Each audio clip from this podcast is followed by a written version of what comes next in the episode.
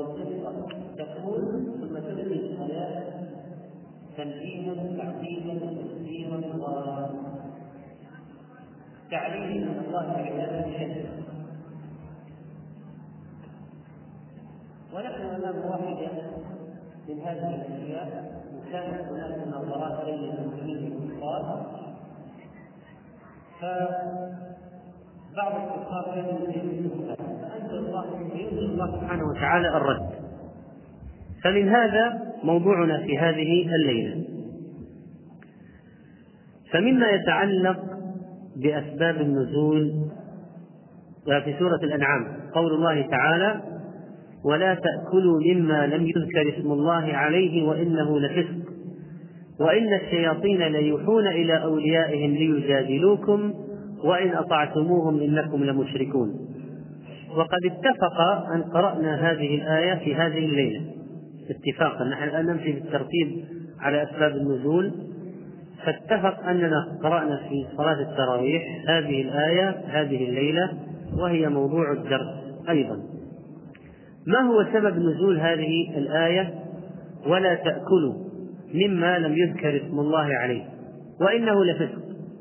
وإن الشياطين ليوحون إلى أوليائهم ليجادلوكم.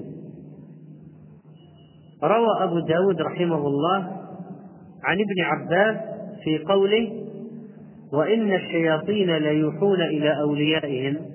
يقولون ما ذبح الله فلا تأكلوا وما ذبحتم أنتم فكلوا.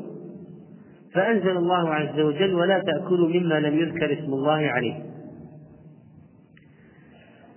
جاءوا إلى النبي صلى الله عليه وسلم فقالوا نأكل مما قتلنا ولا نأكل مما قتل الله فأنزل الله ولا تأكلوا مما لم يذكر اسم الله عليه إلى آخر الآية. رواه أبو داود وهو صحيح لكن ذكر اليهود فيه منكر والمحفوظ أن الذين قالوا هذا الكلام هم المشركون. وروى النسائي كذلك بإسناد صحيح عن ابن عباس في قوله عز وجل ولا تأكلوا مما لم يذكر اسم الله عليه. الآية قال خاصمهم المشركون فقالوا ما ذبح الله فلا تأكلوه وما ذبحتم أنتم أكلتموه. إذا ما هي شبهة المشركين؟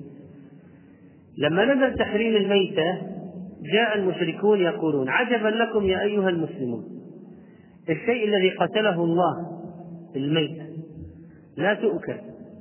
وما قتلتموه أنتم يؤكل هذه الشبهة.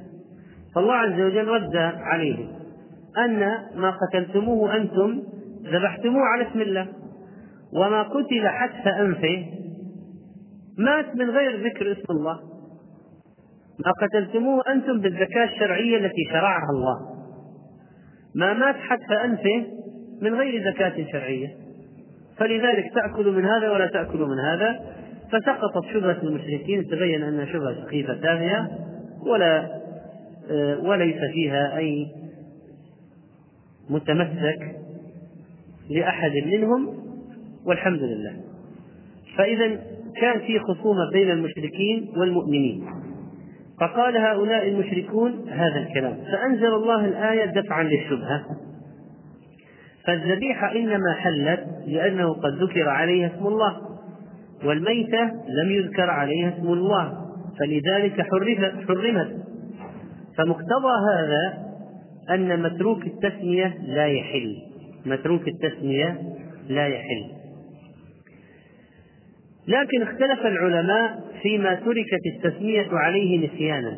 هل إذا تركت التسمية نسيانا تحل الذبيحة أم لا؟ فقال بعضهم إن تركها سهوا أكلت. وهو رواية عن أحمد وقول إسحاق إن ترك عمدا لا تؤكل طبعا.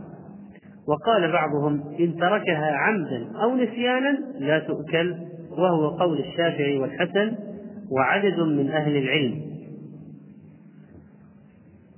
وهناك أقوال أخرى في المسألة. وقوله تعالى وإن الشياطين ليوحون إلى أوليائهم ليجادلوكم.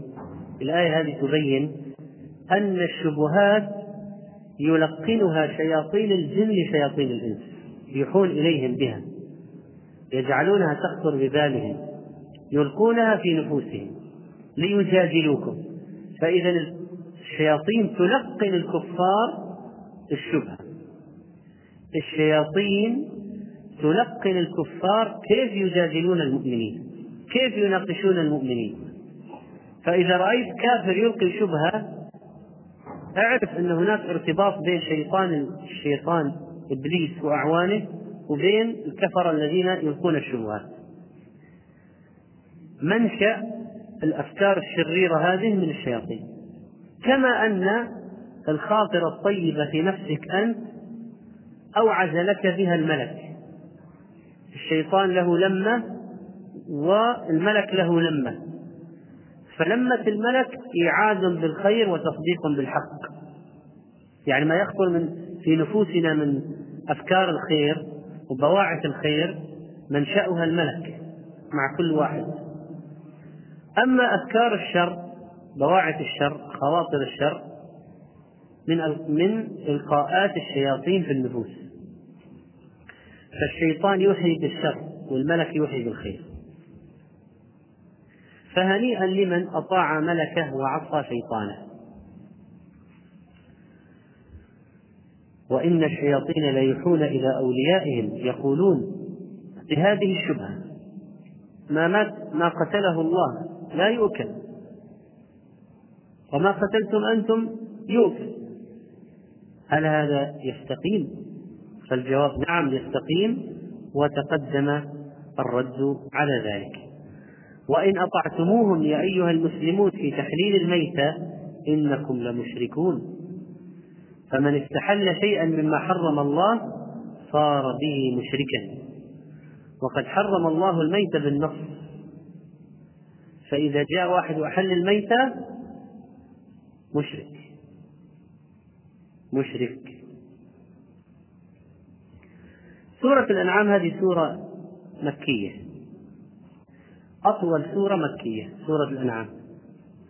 لا يوجد في السبع الطوال سورة مكية هي السورة هي أطول السور المكية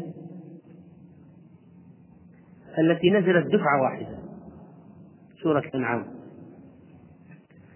ناقشت قضايا العقيدة. والغالب أن التشريع أن السور المكية التشريعات العملية فيها قليلة وغير القرآن المدني، القرآن المدني مليء بالأحكام والتشريعات. القرآن المكي يغلب عليه العقيدة والرد على المشركين وذكر اليوم الآخر وهلاك الأقوام المكذبة. الآية هذه مع أنها في سورة الأنعام وقد اشتملت على حكم فقهي ولا تأكلوا مما لم يذكر اسم الله عليه وإنه لفسق لكن نلاحظ أن الحكم الفقهي هذا مرتبط بأمر من أمور العقيدة وهو الذبح على اسم الله اسم الله ذكر اسم الله عند الذبح. فهذا أمر عقدي ذكر اسم الله يحل الذبيحة ذكر اسم غير الله يحرم الذبيحة فالمسألة مرتبطة بالعقيدة. وإذا ما ذكي فيكون ميتة محرما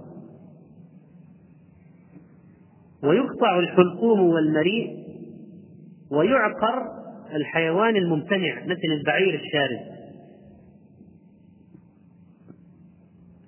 الذكاة وهي الذبح بقطع الحلقوم والمريء للحيوان المأكول البري يسمى زكاة بالذال زكاة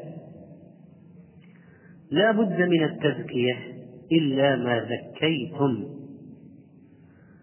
واستثني من ذلك السمك والجراد فإنها ميتتان فإنهما ميتتان حلال لهذه الأمة. لابد أن يكون المزكي أهلا للتزكية مسلم أو صاحب دين سماوي من أهل الكتاب. فلذلك لا يباح ما زكاها المجنون ولا السكران ولا الطفل غير المميز. ولا تحل ذبيحة الوثني ولا المجوسي ولا الهندوسي ولا البوذي ولا السيخي ولا المرتد ولا القبوري الذين يطوفون بالقبور يستنجدون بالأموات يستغيثون بهم الاستغاثة الشركية يطلبون منهم ما لا يقدر عليه إلا الله أصحاب الشرك الأكبر لا تحل ذبائحهم. وأما المسلم الموحد والكافر الكتابي من اليهود والنصارى فتحل ذبيحته الله استثناهم. قال وطعام الذين أوتوا الكتاب حل لكم وهذا بإجماع المسلمين. قال البخاري عن ابن عباس طعامهم ذبائحهم لأن الأطعمة الأخرى غير الذبائح تؤكل حتى من الوثنيين إذا كانت طاهرة. أما الذبائح بالذات لا تؤكل من غير مسلم إلا الكتابي إذا ذبح. فإذا قوله تعالى وطعام الذين أوتوا الكتاب والمقصود بالطعام الذبائح. أما الأطعمة الأخرى غير الذبائح فيجوز لك أن تأكل ما قدم لك الوثني من الخضار مثلا أو الفواكه مثلا أو الخبز. لو خبز وثني يجوز أن تأكل من خبزه. لكن الذبح بالذات اللحوم اللحوم فيها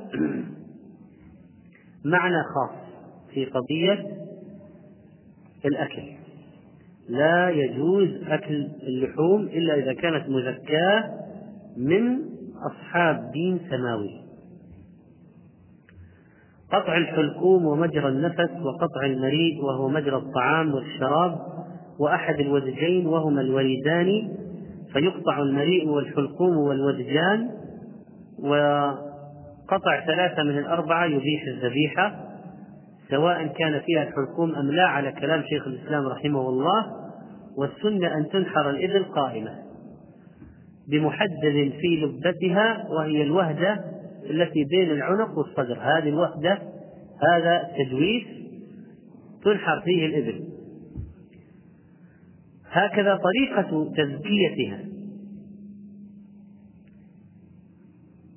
وهذه الزكاة لخروج الدم السيال الذي يضر بقاؤه.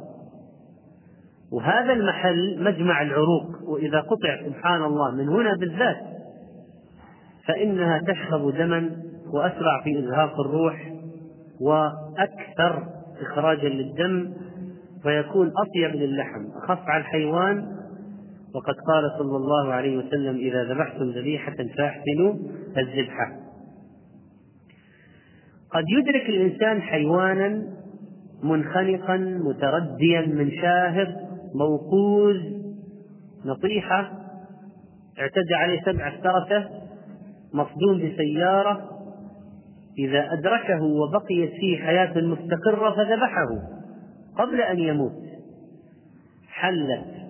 لقوله تعالى والمنخنقة والموقوذة والمتردية والنطيحة وما أكل السبع إلا ما ذكيتم.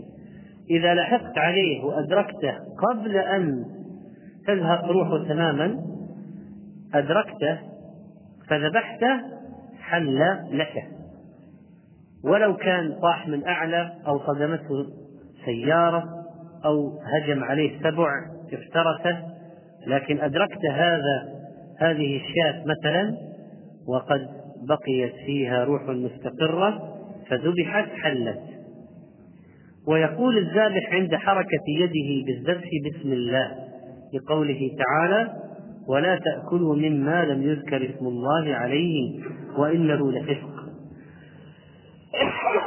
قال ابن القيم رحمه الله ولا ريب أن ذكر اسم الله على الذبيحة يطيبها ويطرد الشيطان عن الذابح والمذبوح.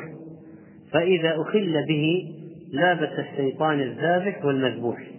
الشيطان يأتي على الذبائح أو على المهلكات التي لم يذكر اسم الله عليها. فيؤثر خبثا في الحيوان. وكان صلى الله عليه وسلم إذا ذبح سمى ويسمى التسمية التكبير ويكره أن يذبح بآلة كالة يعني غير محددة. إذا ذبحتم فأحسنوا الذبح. ويكره أن يحدها والحيوان يبصره. فتريد أن تميت ميتات؟ ويكره أن يوجه الحيوان لغير القبلة. ويكره أن يكسر عنقه أو يسلخه قبل أن يبرد. فتحرم تنتفي الحركة منه. تنتهي حركته. وذبح البقر والغنم تضجع على جنبها الأيسر والإبل تنحر قائمة معقولة يد اليد اليسرى. تربط. تصير على ثلاثة أطراف. إذا ذبحت تقع تطيح. إذا طاحت وقعت. فكلوا منها. فإذا وجبت جنوبها وقعت على الجنب. وجبت يعني سقطت. وجبت الشمس يعني غابت. نزلت في الأفق. وفي هذا الزمان يا إخوان مع تطور الآلات ودخول الناس في عصر الإنتاج الكبير صارت هناك مصانع للدجاج واللحوم لذبح كميات كبيرة جدا ثم تنظف تغلف تعلب فنشأت مشكلات فوجدت مثلا مصانع فيها مذابح لا تذبح بالطريقة الشرعية تصعق بالكهرباء. تضع هذه الحيوانات في مياه حارة مغلية. تضرب بمسدس.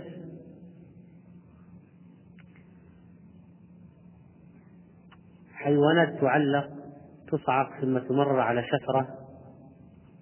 أوتوماتيكية. فقد لا يذكر اسم الله عليها. وتذبح كميات كبيرة. وقد تصيبها الشفرة في المكان الشرعي قد تصيبها في غير المكان الشرعي. قد لا يكون هناك شفرة أصلا.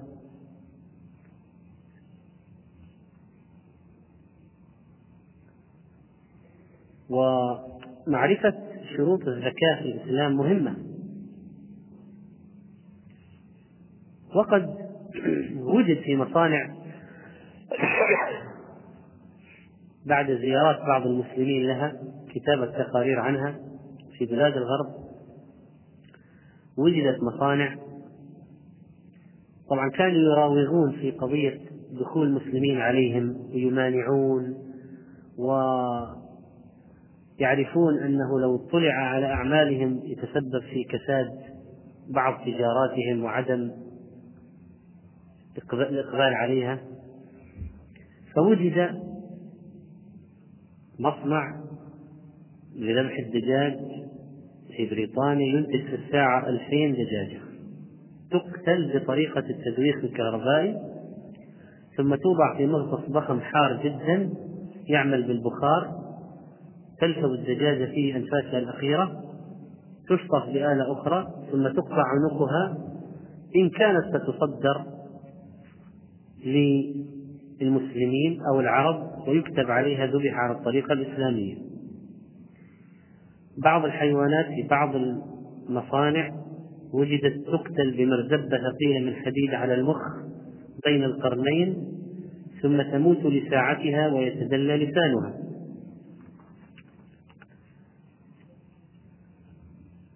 وهذه الشركات لأجل أن تسوق بضائعها فهي تعبئ أكياس سلفا مطبوع عليها مختومة مذبوحة على الطريقة الإسلامية. بعض الأبقار تضرب بمسدسات من قبل الجزارين. وهذه الأشياء بطبيعة الحال ما دام زهقت روحها الحيوانات بدون ذبح زكاة شرعية فلا شك في تحريمها. لا شك في تحريمها. وقد صدرت فتاوى من العلماء بهذا الشأن. قال العلماء لو اشتبه مزكى بميتة مزكى بميتة لم يجز تناول شيء منها تقديما لجانب الحظر أنت الآن لو عندك آه، ذبيحتين واحدة ذبحت بالطريقة الشرعية وواحدة ذبحت أو قتلت بطريقة غير شرعية. ما عرفت أيتهما الحلال لا يجوز لك أن تتناول لا من هذه ولا من هذه لأن قد تكون التي تأكل منها هي المحرمة. علق كثير من الفقهاء الإباحة وعدم الإباحة على نوعية الذبح وديانة الذابح وهذا الذي يظهر من الكتاب والسنة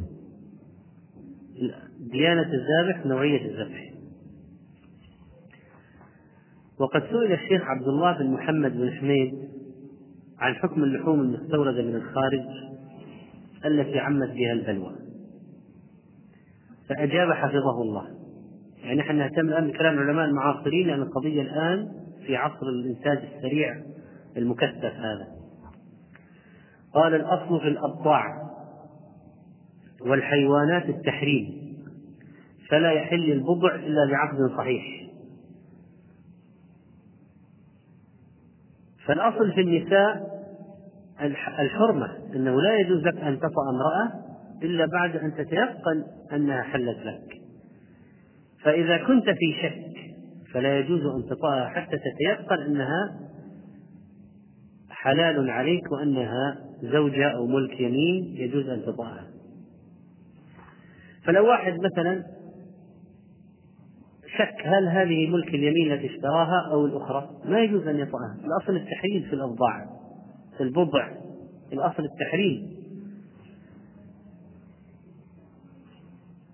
وكذلك النساء في الزواج. لا بد أن يثبت تثبت صحة العقد ليحل الوطن. الأصل في الأبضاع واللحوم التحريم حتى يثبت الحل قال الشيخ كما لا يباح أكل لحوم الحيوانات إلا بعد تحقق تزكيتها من أهل التزكية. وقد قال والله سبحانه وتعالى حرم الميت والدم ولحم الخنزير وما أهل لغير الله به وحرم المنخنق والموقوذ والمتردية والنطيحة وأكيلة السبع إلا ما ذكي. فهذا يدل على أن الأصل في الحيوان التحريم إلا ما ذكاه المسلمون أو أهل الكتاب بقطع الحلقوم والمريء مع قطع الوجهين في قول طائفة من أهل العلم. فما يرد من اللحوم المعلبة إن كان استيرادها من بلاد إسلامية أو من بلاد أهل الكتاب أو معظمهم وأكثرهم.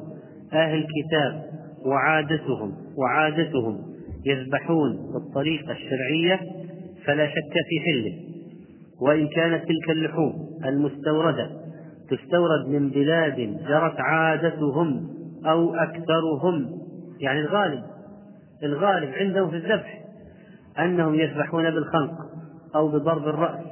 أو بالصاعقة الكهربائية ونحو ذلك فلا شك في تحريمها.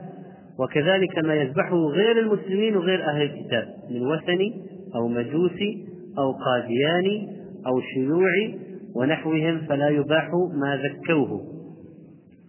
لأن ذبيحة التذكية المبيحة لابد أن تكون من مسلم أو كتابي عاقل له قصد وإرادة.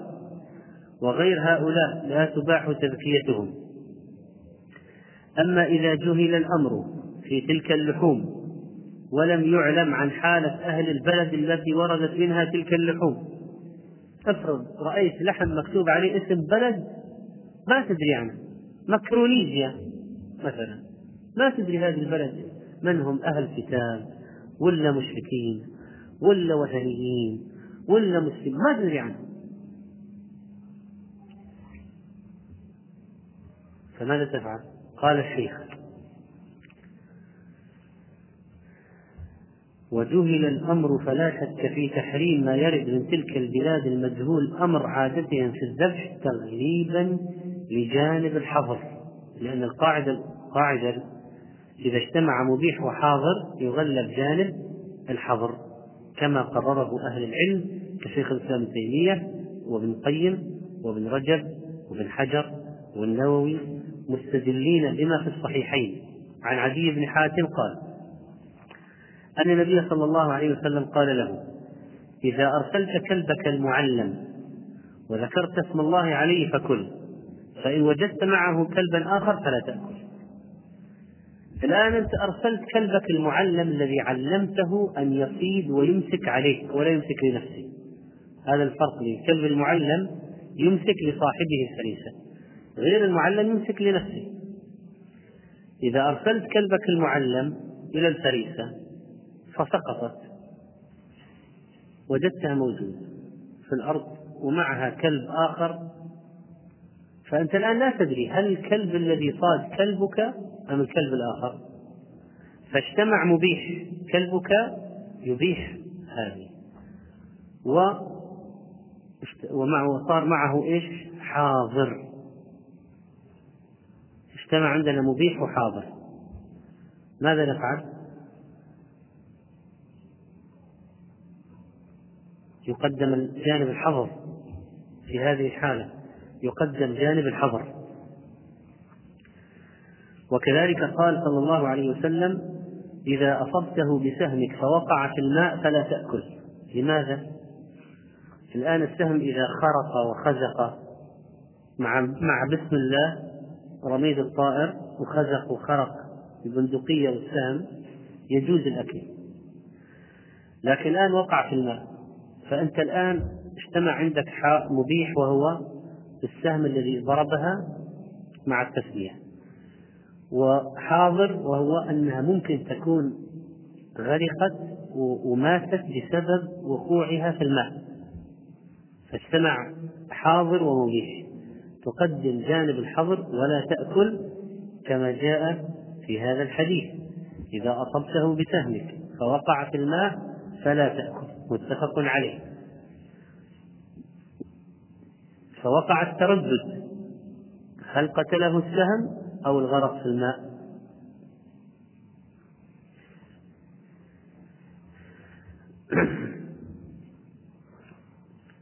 طيب. لو واحد قال عندنا حديث سموا أنتم وكلوا. في ناس ما لنا دخل من أي بلد سموا أنتم وكلوا. هذه شبهة يقولها بعض الناس. سموا أنتم وكلوا. طيب سؤال. لو علمنا يقينا أن هذا اللحم الذي في العلبة لحم حمار هل واحد يقول خلاص التسمية تبيحه؟ سموا أنتم وكلوا. لحم خنزير سموا أنتم وكلوا. لحم قط سموا أنتم وكلوا. ميتة سموا أنتم وكلوا. هذا غير صحيح. إذا الحديث هذا ما هي قصته؟ قصة أن عائشة رضي الله عنها قالت للنبي صلى الله عليه وسلم إن قوما حديثي عهد بالإسلام. لاحظ. حديثي عهد بالإسلام. يأتوننا باللحوم فلا ندري أذكروا اسم الله عليه أو لا. إذا هؤلاء الذين تأتي اللحوم منهم دخلوا في الإسلام. لكن لا ندري هل عندهم علم كافي لدرجة أنهم يعرفون كيف الذبح الشرعي ويسمون الله أم لا. فقالت عائشة رضي الله عنها إن قوما حديثي عهد بالإسلام يأتوننا باللحوم فلا ندري أذكروا اسم الله عليه أو لا. فقال النبي صلى الله عليه وسلم سموا الله أنتم وكلوا. رواه البخاري. وعنون عليه باب ذبيحة الأعراب ونحوهم. إذا هؤلاء الحديث هذا أين ورد؟ ورد في قوم مسلمين. لكن انتقلوا إلى الإسلام حديثا. ليس حال هذا مثل الذبائح أو اللحوم التي تأتي من كفار أو من مجهولي الحال إذا كان الذابح ليس بمسلم ولا كتابي مجهول الحال ما نقول نسمي ونأكل لأن الحديث ورد في قوم مسلمين لكن حديث عهد بكفر. أما إذا كان الذابح ليس بمسلم ولا كتابي فلا علاقة لهذا بالموضوع وإذا كان أهل البلد حالتهم أو معظمهم يذبحون بالطريقة الشرعية وهم مسلمون أو أهل كتاب يباح لنا ما ذبحوا فإذا طبعا ما يأتي من المسلمين أمره أوضح لكن ما يأتي من بلدان أهل الكتاب. إذا كانت عادتهم والغالب عليهم أنهم يذبحون بالطريقة الشرعية يعني يذبحون يقطعون هذه المجاري التي تخرج الدم. يكفي. خلاص. يكفي. أما إذا كانوا ناس ما هم من أهل الكتاب ولا من المسلمين أو عادتهم عادتهم أنهم لا يذبحون. الغالب أنهم ما في ذبح شرعي. أو مجهول الحال. لحوم من بلاد مجهولة الحال. ما يدري ما يدرى من هم هؤلاء. ما ينفع هنا سموا أنتم وكلوا ولا ينطبق الحديث. إذا أهل الكتاب الذين يغلب على عادتهم وواقعهم أنهم لا يذبحون كله مسدد الكهرباء ومياه مغلية أو بلاد مجهولة. لا يدرى هذا من, من سكانها أو حالها. فلا يؤكل لا تؤكل ذبائحهم. ولا نستطيع أن نقول سموا أنتم وكلوا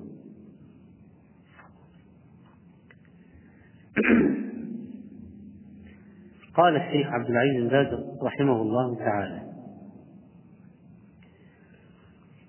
في جواب رسالة وصلني كتابكم وصلكم الله بهداه وما تضمنه من السؤال عن حكم اللحوم التي تباع في أسواق الدول غير الإسلامية. وما يعانيه موظفو السفارات الإسلامية والطلبة المسلمون من المشقة في هذا الباب؟ والجواب قد أجمع علماء الإسلام على تحريم ذبائح المشركين من عباد الأوثان ومنكري الأديان ونحوهم من جميع أصناف الكفار غير اليهود والنصارى والمجوس. وأجمعوا في علماء الإسلام على إباحة ذبيحة أهل الكتاب من اليهود والنصارى واختلفوا في ذبيحة المجوس عباد النار. فذهب الأئمة الأربعة والأكثرون إلى تحريمها ذبيحة المجوس.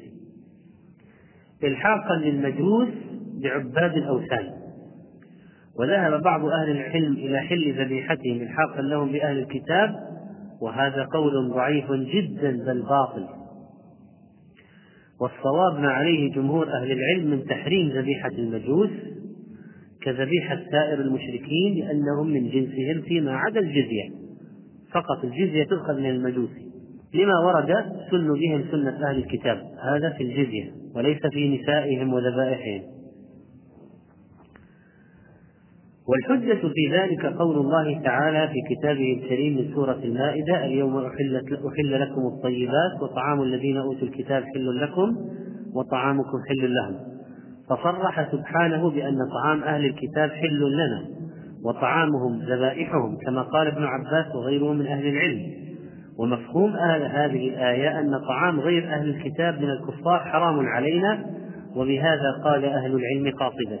إذا علم هذا فاللحوم التي تباع في أسواق الدول غير الإسلامية إن علم أنها من ذبائح أهل الكتاب فهي حل للمسلمين. إذا لم يعلم أنها ذبحت على غير الوجه الشرعي. إذا الآن إذا جاءتك ذبائح من فرنسا، بريطانيا، ألمانيا، هؤلاء الغالب عليهم أنهم إيش؟ أهل كتاب، صح في حزب شيوعي فرنسي وحزب شيوعي ألماني في لكن ما هو الغالب عليهم؟ أنهم نصارى أهل كتاب. ما حكم لحومهم؟ الأصل فيها الإباحة الله أباحها إلا إذا ثبت لنا أنهم لا يذبحون. فإذا كلام الشيخ في معلومة مهمة هذه محددة. لحوم أهل الكتاب تؤكل إلا إذا علمنا أنهم لا يذبحون. كلام الشيخ بن حميد المتقدم لحوم أهل الكتاب مباحة إذا غلب عليهم الذبح. الشيخ بن حميد كلامه السابق إذا غلب عليهم الذبح وعرف أنه عادتهم طيب ولا تكفي التثنية عليها عند غسلها ولا عند أكلها. هذا بالنسبة أما إن كانت اللحوم من ذبائح بقية الكفار فهي حرام على المسلمين لا يجوز لهم أكلها بالنص والإجماع ولا تكفي التثنية عليها عند غسلها ولا عند أكلها. ورد الشيخ على من استشهد بالحديث وقال إنه ورد في شأن ناس مسلمين كانوا حديثي عهد بكفر وقال الشيخ بعد هذا الرد وبذلك يعلم أنه لا شبهة لمن استباح اللحوم التي تجلب في الأسواق من ذبح الكفار غير أهل الكتاب. استباحوها بالتثنية عليها أنها أن هذا لا علاقة له بحديث عائشة. لأن أمر المسلم يحمل على السداد والاستقامة ما لم يعلم منه خلاف ذلك. وهذه أيضا لفتة جيدة من الشيخ. يقول ذبيحة المسلم ماذا تحملها أنت على إيش؟ الصحة. حتى يتبين لك أنه لا يسمي. ما دامت من مسلم الأصل أن ذبيحته تحمل على السداد والصحة. وتؤكل. وهذا حديث عائشة. أما كون المسلم في تلك الدول غير الإسلامية يشق عليه تحصيل اللحم المذبوح على الوجه الشرعي ويمل أكل الدجاج ونحوه فهذا لا يسوغ له أكل اللحوم المعرمة ولا يجعله في حكم المضطر بإجماع المسلمين فيجب التنبه لهذا الأمر والحذر من الحذر من التساهل الذي لا وجه له. هذا ما ظهر لي في هذه المسألة التي قد عمت بها البلوى. إلى آخر كلام الشيخ رحمه الله. إذا لو واحد قال رحت اليابان. بوذي اطفشنا من السمك. نريد ناكل من لحوم اليابانيين. ماذا نقول؟ نقول لست ما وصلت مرحلة الضرورة. أحسن لك عشان كوليسترول. لك على السمك. لا تأكل من لحومهم لأن بوذيين فكونه يقول سئمنا من السمك أو الخضار ليس بمسوغ لأكل لحوم لا تجوز لا يجوز أكلها. وفي رسالة أخرى للشيخ رحمه الله قال تضمن خطابكم مسألتين إحداهما عما يتعلق بذبح الغنم والدجاج ونحوهما في المجازر المسيحية في معظم البلاد الأوروبية والأمريكية وذكرتم أنها درجت في ذبح الخرفان بواسطة الصرع الكهربائي وعلى ذبح الدجاج بواسطة قص الرقبة. والثاني حكم شحوم الخنزير. الجواب عن المسألة الأولى وهو موضوعنا أن يقال قد دل كتاب الله العزيز وإجماع المسلمين على حل طعام أهل الكتاب بقول الله سبحانه اليوم أحل لكم الطيبات وطعام الذين أوتوا الكتاب حل لكم وطعامكم حل لهم. هذه الآية الكريمة دلت على حل طعام أهل الكتاب والمراد ذبائحهم. فإذا علم إذا علم شو كلام الشيخ؟ إذا علم أنهم يذبحون ذبحا يجعل البهيمة في حكم الميتة حرمت كما لو فعل ذلك المسلم. يعني بالصعق القاتل أو مسدس قاتل. إذا علمت أن أهل الكتاب يفعلون هذا بذبائحهم فلا يجوز لك أن تأكل. إذا ما علمت ما هو الأصل؟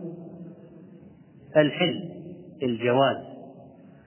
ترى الآن الذي يفهم هذا الكلام يرتاح كثيرا يعرف كيف يتعامل مع اللحوم هذه. وقد يتبين لك شيء لا يتبين لي أنا. قد يتبين لي فلان ما لا يتبين للآخر. أنت قد تعرف خبر أنت سافرت للخارج. أنت تعرف أخبار تعرف كيف يذبحون. أنا لا أعرف. ولذلك ممكن واحد تراه يأكل وهو جائز حلال عليه والثاني لا يجوز له أن يأكل. لأن هذا اطلع وهذا ما اطلع.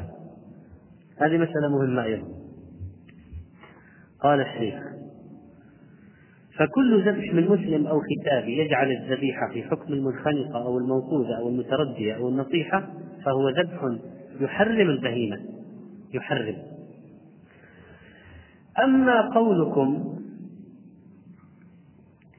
إن المجازر المسيحية درجت على ذبح الخرفان بواسطة الصرع الكهربائي وفي ذبح الدجاج بواسطة قصف الرقبة فقد سألت أهل بعض أهل الخبرة عن معنى الصرع والقصف لأنكم لم توضحوا معناها فأجابنا المسؤول بأن الصرع هو إزهاق الروح بواسطة الكهرباء من غير ذبح شرعي.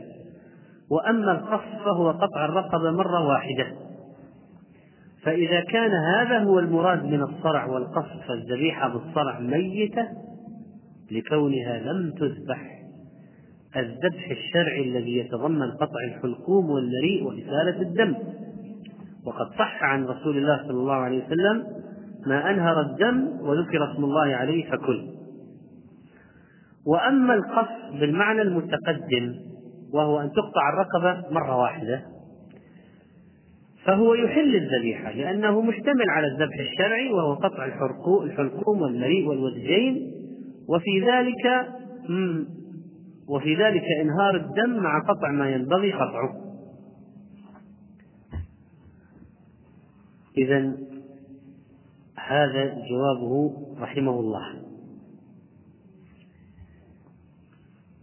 وقال في موضع آخر في فتاوي وإن ضربها في رأسها بمسدس أو سلط عليها تيارا كهربائيا مثلا فماتت من ذلك فهي موقوذة ولو قطعت رقبتها بعد. لأنه ممكن تقتل ثم تقطع رقبتها بعد ما تكون زهقت روحها فهذه ميتة.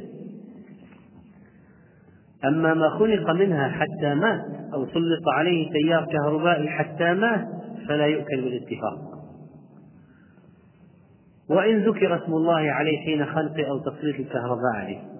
لأنه لو أنه ضغط الزر الكهرباء وقال بسم الله ما الفائدة؟ وقد صعقه هذا الصعق.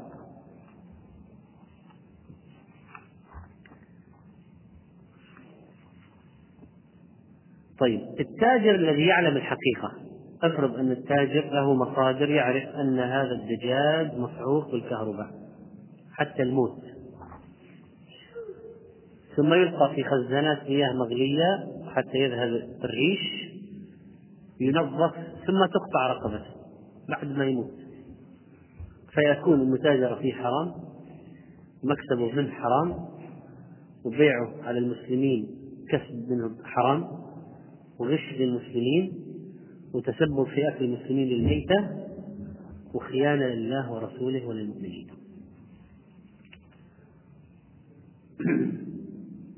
طيب مسألة لو قال واحد من أهل الكتاب الذين تتحدثون أنت عنهم الآن ما يعرفون الكنيسة. فهل هؤلاء تحل ذبائحهم؟ الجواب. تعريف الكتاب كل من عظم عيسى وادعى اتباعه. تعريف هذا التعريف هذا مهم لأنه يريش من إشكالات كثيرة. الكتاب النصراني من هو النصراني؟ كل من ادعى تعظيم عيسى كل من عظم عيسى وادعى اتباعه. ادعى اتباع عيسى. هو عيسى ما يأمر بالشرك لكن هو يدعي هذا ويعظم عيسى. هذا نصراني. خلاص. هذا من أهل الكتاب. أصلا أهل الكتاب الذي في الذين في عهد النبي صلى الله عليه وسلم كانوا كفار إلا كم واحد. كانوا كفار. يعني النصارى واليهود الذين عاصرهم وعايشهم. النبي عليه الصلاة والسلام هؤلاء كفار اليهود فأمروا على قتلهم لكنهم أهل كتاب. أصلا هذا أصل دينهم في الأصل ولو حرفوه. بس ما دام أصلا له له أصل إذا لهم ميزة.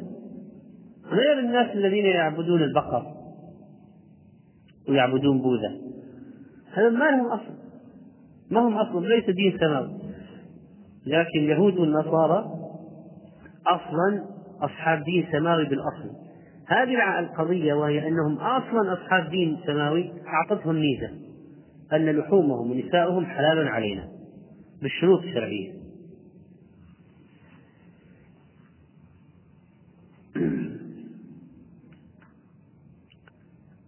ولذلك يقول الشيخ رحمه الله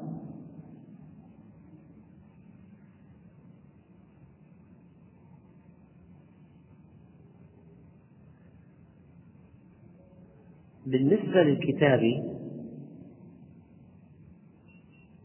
إذا ادعى أنه كتابي وأنه على دين عيسى فهو يأخذ حكم أهل الكتاب. لكن إذا قال أنا لا أؤمن لا بنصرانية ولا بعيسى ولا بشيء في نصارى الآن ما لهم دين. يقول خلاص أصلا هو نصراني لكن خلع الدين. قال أنا كفرت بالكنيسة خلاص أنا الآن لا دين. هذا إذا ذبح هل تأكل ذبيحته؟ لا لأنه أصلا متبرئ من دين عيسى أصلا. فهو لا يحكم عليه أنه من أهل الكتاب ولا أنه نصراني. فإذا خلع الدين النصراني مثل ما الواحد خلع دين الإسلام خلاص خرج ليس له حكم أهل الإسلام. وذاك ذاك ليس له حكم النصارى.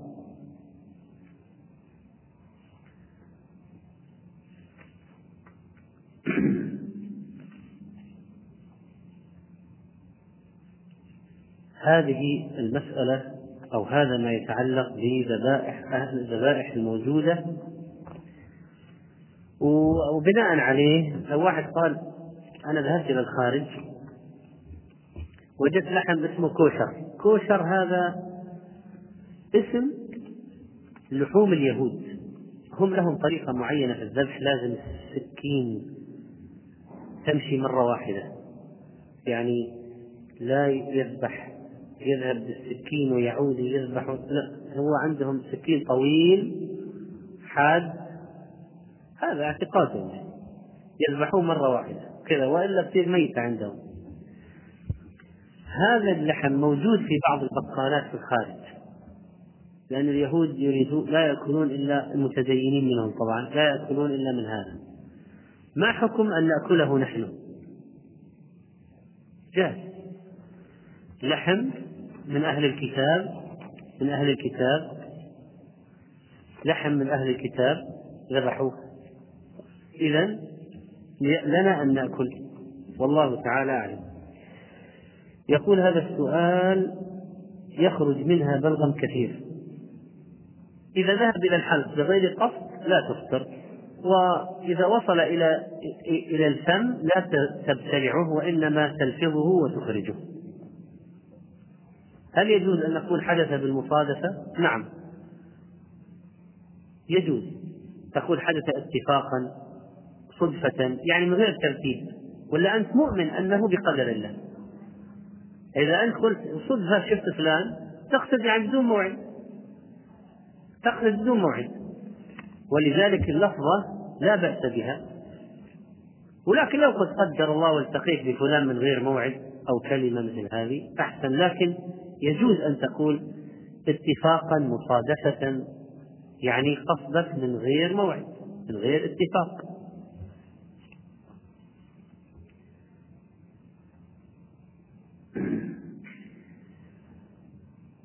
أحد الأخوات تقول أكلت طعام العشاء ولم تتمضمض ونامت هل يجب أن تتمضمض؟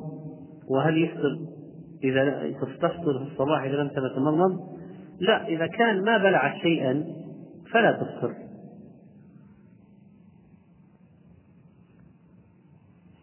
أحرمت من السير الكبير بعد أن تجاوزت المسجد ب 200 متر. هل أضطر أحد الزملاء العودة إلى المسجد؟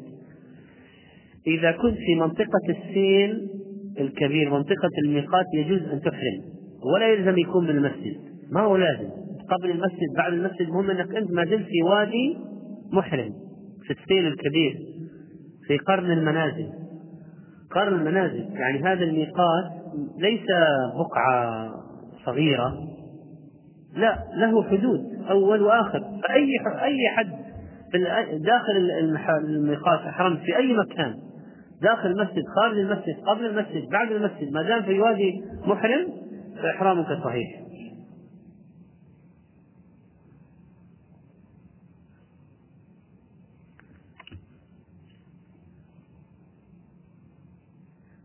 ذبيحة أهل البدع. إذا كانت بدعهم شركية يعني فيها شرك أكبر يعتقدون بعقائد كفرية فلا يجوز أكل ذبائحهم. لا يجوز أكل الذبائح وأما إذا كانت بدع غير شركية غير مكفرة مثل واحد عنده تأويل في الأسماء والصفات. طيب هذا بدعة غير مكفرة. تؤكل ذبيحته لأنه لأنه مسلم. لكن لو واحد يعتقد أن الأئمة يعلمون ما في الغيب يعلمون الغيب.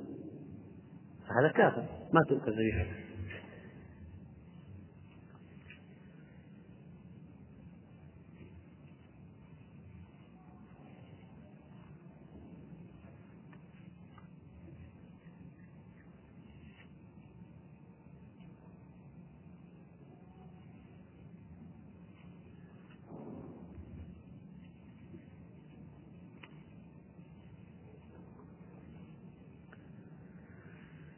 كتب سبل السلام والروضة النبية تنهج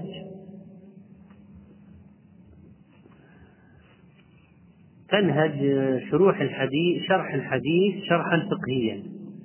شرح الحديث شرحا فقهيا. ولا تعتمد مذهبا معينا. لا تعتمد مذهبا معينا. وهي تنفع طالب العلم المتمكن. طالب العلم المتمكن.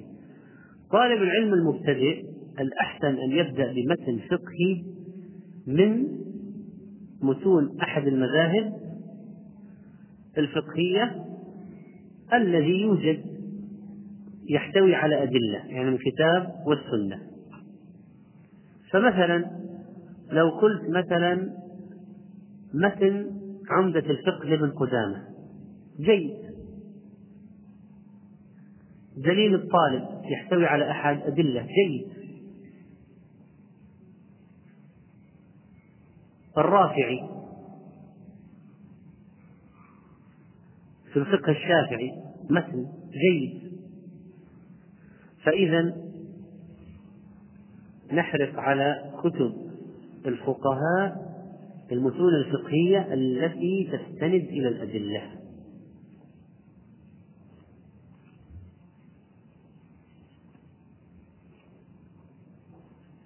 هل يجوز أن نقول بعض القرآن أفضل من بعض؟ بما فضل الله عز وجل. فالله عز وجل أخبر أن سورة الفاتحة أفضل سورة وآية الكرسي أفضل آية. نعم. وقل هو الله أحد سورة القرآن.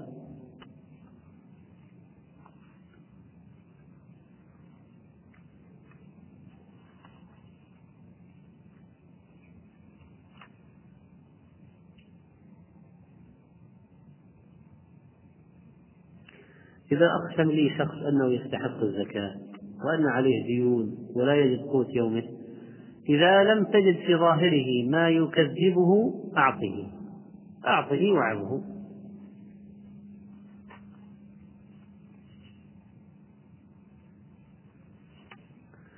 ماذا يفعل الطلاب في الخارج إذا لم يوجد ذبح حلال؟ قد يوجد في ولايات من يذبح ولايات أخرى لا يوجد فيها ذبح. يعني يقول قانون الولاية يمنع الذبح أصلا. كل المسالخ اللي فيها ما تذبح. فلا يأكل اللحم هناك لأن الآن قانون الولاية هم قانونهم ما في ذبح. معناها المسالخ وكل المحلات ما تذبح. الولايات التي فيها ذبح مسموح فيها بالذبح. فقد يكون فعلا المسالخ الموجودة لديهم تذبح فيأكل منها. وقد تقدم أن عدم وجود بديل عن السمك أو غيره ليس عذرا في أنه يأكل ما لا يجوز أكله.